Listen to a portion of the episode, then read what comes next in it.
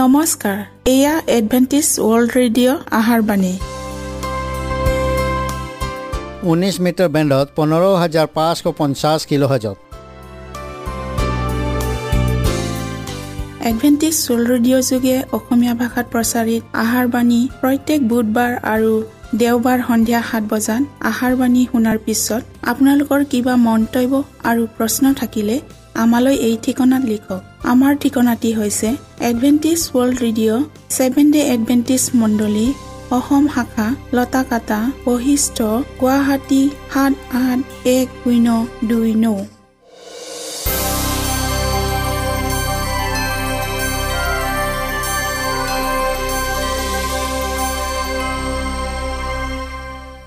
প্ৰিয় শ্ৰোতা বন্ধুসকল এতিয়া শুনো আহক এটি খ্ৰীষ্টীয় ধৰ্মীয় গীত।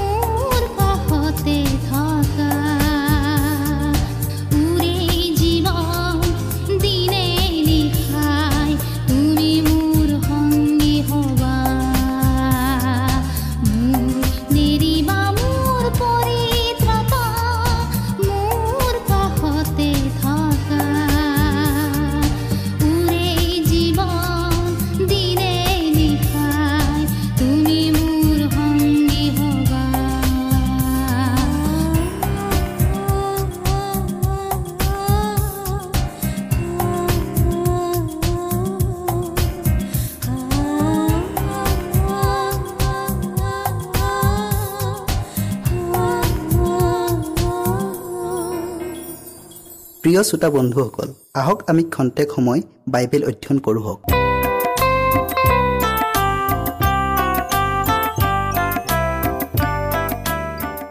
এতিয়া আমি ইব্ৰিয় ধৰ্মৰ ধামৰ বিষয়ে চমু আলোচনা কৰোঁ হওক। আমাৰ বাইবেল শাস্ত্ৰখন এখন নতুন পৃথিৱীৰ পৰা আৰম্ভ কৰি আন এখন নতুন পৃথিৱীৰ সৃষ্টিৰে সামৰণি পৰিছে। এই দুয়োটা নিখুঁত সৃষ্টিৰ অধিকাৰী একমাত্ৰ আমাৰ সৰ্বশক্তিমান আৰু মৰমীয়াল ঈশ্বৰ।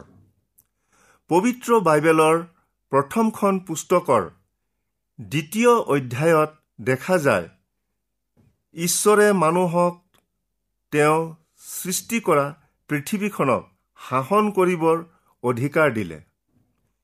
ঠিক সেইদৰেই বাইবেলৰ শেষ পুস্তকখনৰ শেষৰ ফালৰ পৰা দ্বিতীয় অধ্যায়ত দেখা যায় ঈশ্বৰে তেওঁৰ প্ৰতিজ্ঞা অনুসাৰে মানুহক তেওঁ পুনৰ সৃষ্টি কৰা পিতাকৰ নিমিত্তে অধিকাৰ প্ৰদান কৰিলে।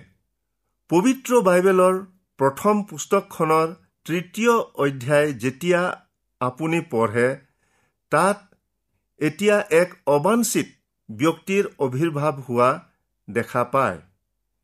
ইয়াত পাপৰ এক শোচনীয় আৰু সুখজনক ফলাফল প্ৰকাশ কৰা হৈছে। পাপৰ ফলস্বৰূপে মানুহে ঐশ্বৰিক প্ৰতিচ্ছবি আৰু গুণসমূহ হেৰুৱাৰ উপৰিও এডেনীয় গৃহৰ সুখ শান্তি আৰু পৃথিৱী শাসনৰ অধিকাৰৰ পৰাও বঞ্চিত হ'ল। ঈশ্বৰৰ বিশাল সুন্দৰ সৃষ্টিখন সিবিলাকলৈ এক অভিশাপলৈ সলনি হ'ল। ঈশ্বৰক ধন্যবাদ জনাওঁ যেতিয়া আপুনি ঈশ্বৰৰ বাক্যৰ শেষৰ পুস্তকখনৰ শেষৰ ফালৰ পৰা তৃতীয় অধ্যায় পঢ়ে তাত পাপ আৰু মৃত্যুৰ ওপৰত এক গৌৰৱময় বিজয় দেখিবলৈ পায়। মানুহে হেৰুৱা এডেনীয় গৃহৰ সুখ শান্তি শাসন অধিকাৰ আৰু নিষ্কলংকিত গুণৰ পুনৰুদ্ধাৰ কৰিব। ঈশ্বৰৰ প্ৰতিছবিত পুনৰ প্ৰতিষ্ঠিত হৈ অনন্ত সুখৰ অধিকাৰী হ'ব। পাপৰ হাও দূৰ কৰা হ'ল। আৰু তেওঁলোকৰ চকুৰ পৰা ঈশ্বৰে আটাই চকুলো মুচি গুচাব। তাতে মৃত্যু আৰু নহ'ব। সুখ বা ক্ৰদন নাইবা বেদনাও আৰু নহ'ব। কাৰণ পুৰণি সকলো লুপ্ত হ'ল। এই বিষয়ে পবিত্ৰ বাইবেলৰ প্ৰথম তিনিটা অধ্যায় আৰু শেষৰ তিনিটা অধ্যায় অধ্যয়ন কৰা উচিত। ক্ৰুচৰ কাহিনী বাইবেলৰ পৰা আঁতৰ কৰিলে মানুহৰ পাপৰ পৰা পৰিত্ৰাণ অনন্ত জীৱন আদিৰ বিষয়ে একোকেই নাজানিম। কিয়নো ক্ৰুচৰ কাহিনীয়েই আবাস তম্বু ধৰ্মধামৰ কাহিনী আৰু অবিচ্ছেদ্য বিষয়। পুৰণি নিয়মৰ ইতিহাসৰ পাছৰ আৰ কাপোৰখনত ক্ৰুচে নিজ চাহ প্ৰতিফলিত কৰিছে। আৰু এই চাহ অন্তৰালত আমি এজন পুৰোহিত এজন দুখী লোক এটা পাত্ৰ এটা দীপাধাৰ এখন দৰ্শন পিঠা ৰখা মেজ এটা সুগন্ধি বেদী আৰু এটা ব্যৱস্থা চন্দুক দেখিবলৈ পাওঁ। অৰণ্যত এই আৱাস তম্বুকেই ইছৰাইলবিলাক সৈতে স্থাপন কৰা মণ্ডলী বুলি কোৱা হৈছিল। আৱাস তম্বু ধৰ্মধাম অবিহনে ইছৰাইল জাতিৰ অস্তিত্বই নাথাকিলহেঁতেন। এই ধৰ্মধামেই ইছৰাইল জাতিটোৰ জীৱনস্বৰূপ আছিল। আমি পঢ়িবলৈ পাওঁ আৰু তেওঁবিলাকৰ মাজত বাস কৰিবৰ নিমিত্তে তেওঁবিলাকে মোৰ অৰ্থে এটা ধৰ্মধাম নিৰ্মাণ কৰক। মুচিয়ে এই আৱাস তম্বু ধৰ্মধাম সাজিবৰ বাবে জিহুদা ফৈদৰ বছলেল আৰু তেওঁৰ সহকাৰী দান ফৈদৰ অহলিয়াব এওঁলোকে সহায় কৰিছিল। ধৰ্মধামৰ চোতালখনত যজ্ঞবেদী আৰু প্ৰক্ষালন পাত্ৰ আছিল। ধৰ্ম মন্দিৰ দীঘলে একাৱন্ন ফুট আৰু বহলে সোতৰ ফুট আছিল। ইয়াৰ দুটা ভাগ বা কোঠালি আছিল। প্ৰথম কোঠালিটোক পবিত্ৰ স্থান বুলি কোৱা হৈছিল আৰু দ্বিতীয় কোঠালিটো অতি পবিত্ৰ স্থান বুলি কোৱা হৈছিল। এই পবিত্ৰ স্থানৰ দক্ষিণ ফালে সোণৰ হাত দীপাধাৰ আৰু উত্তৰ ফালে পুৰোহিতে খোৱা দৰ্শন পিঠা ৰখা এখন মেজ আছিল।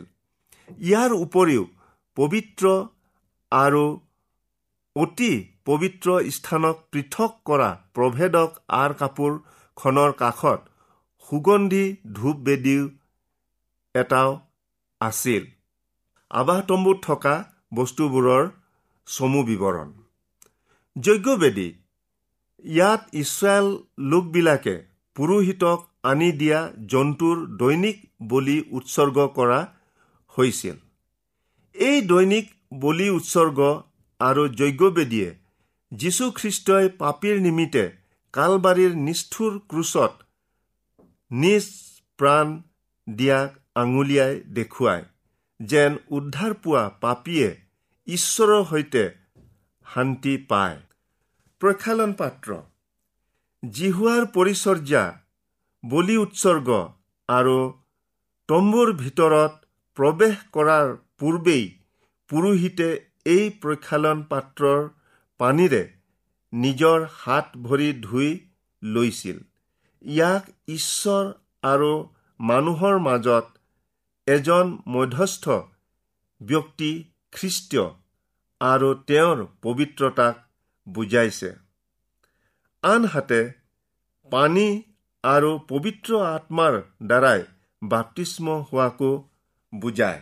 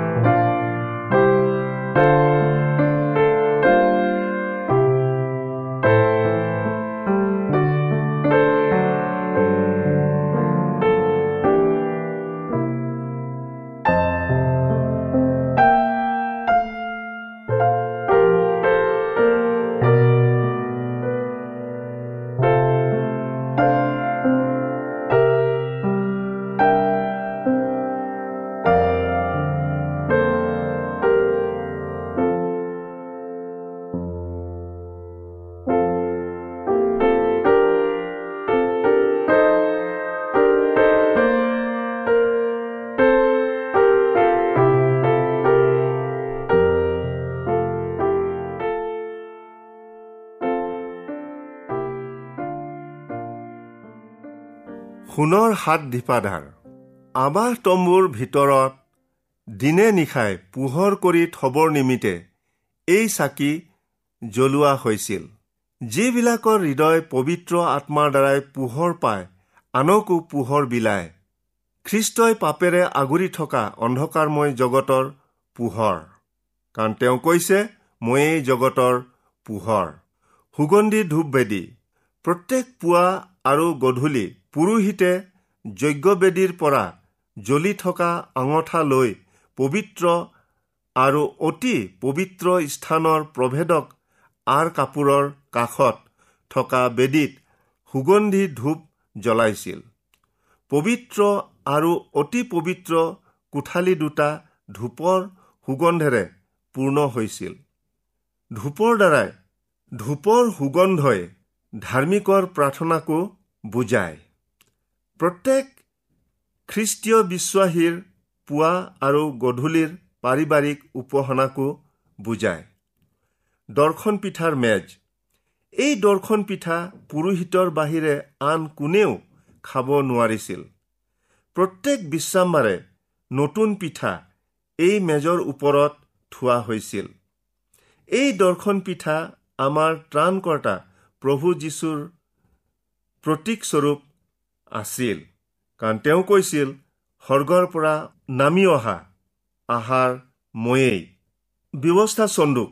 এই ব্যৱস্থা চন্দুক অতি পবিত্ৰ স্থানৰ ভিতৰত আছিল।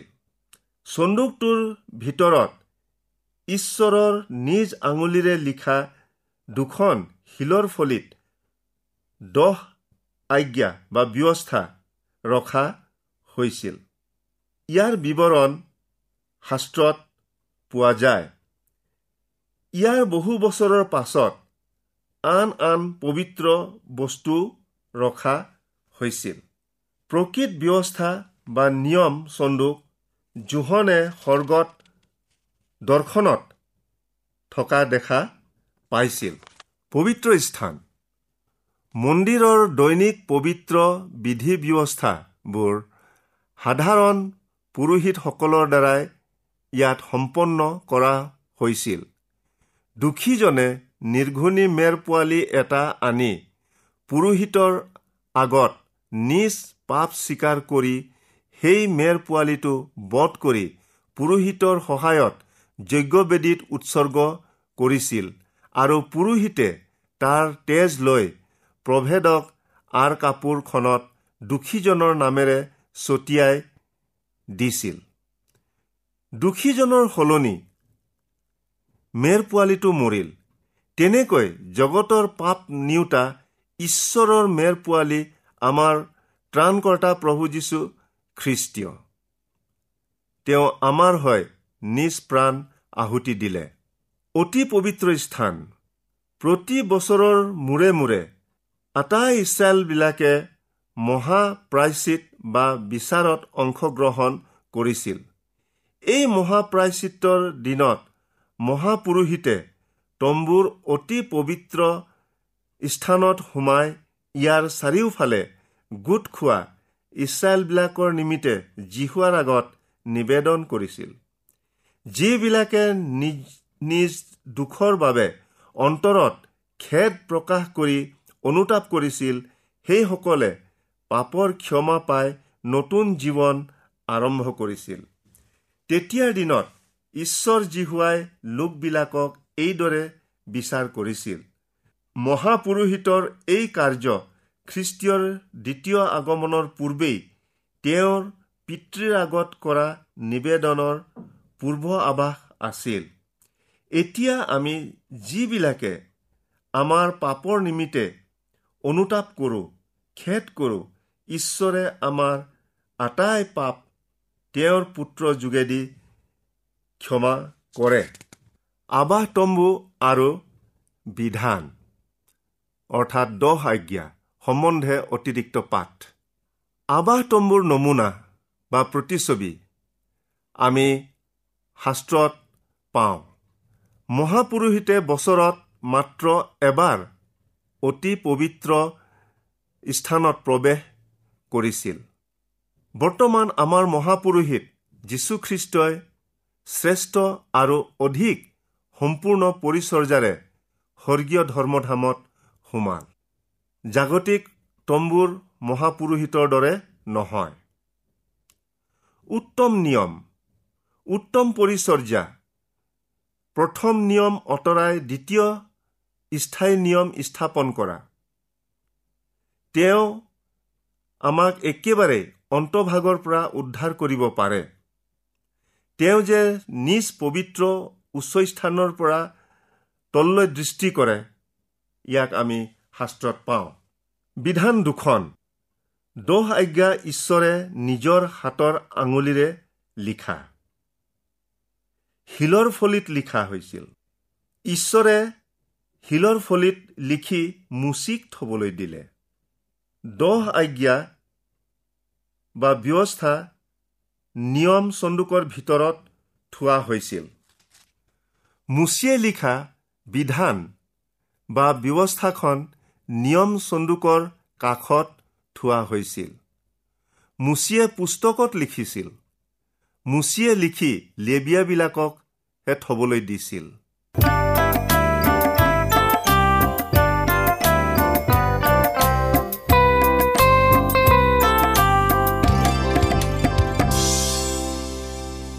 ইমানপৰে আমি বাইবেল অধ্যয়ন কৰিলোঁ। এতিয়া আকৌ শুনো আহক এটি খ্ৰীষ্টীয় ধৰ্মীয় গীত।